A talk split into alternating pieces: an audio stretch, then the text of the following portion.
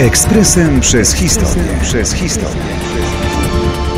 24 marca 1913 roku. Na Broadwayu w Nowym Jorku otwarto Palace Theatre.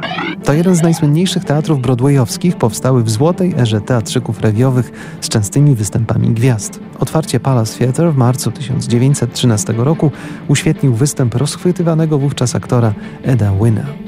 W kolejnych latach w jego ślady poszli i stanęli na tamtejszej scenie m.in. Bob Hope, Jack Benny czy Sophie Tucker, wówczas gwiazdy z tak zwanego, jak to mówią Amerykanie, topu. Chudy okres dla teatru był wynikiem światowego kryzysu po krachu na nowojorskiej giełdzie w roku 1929.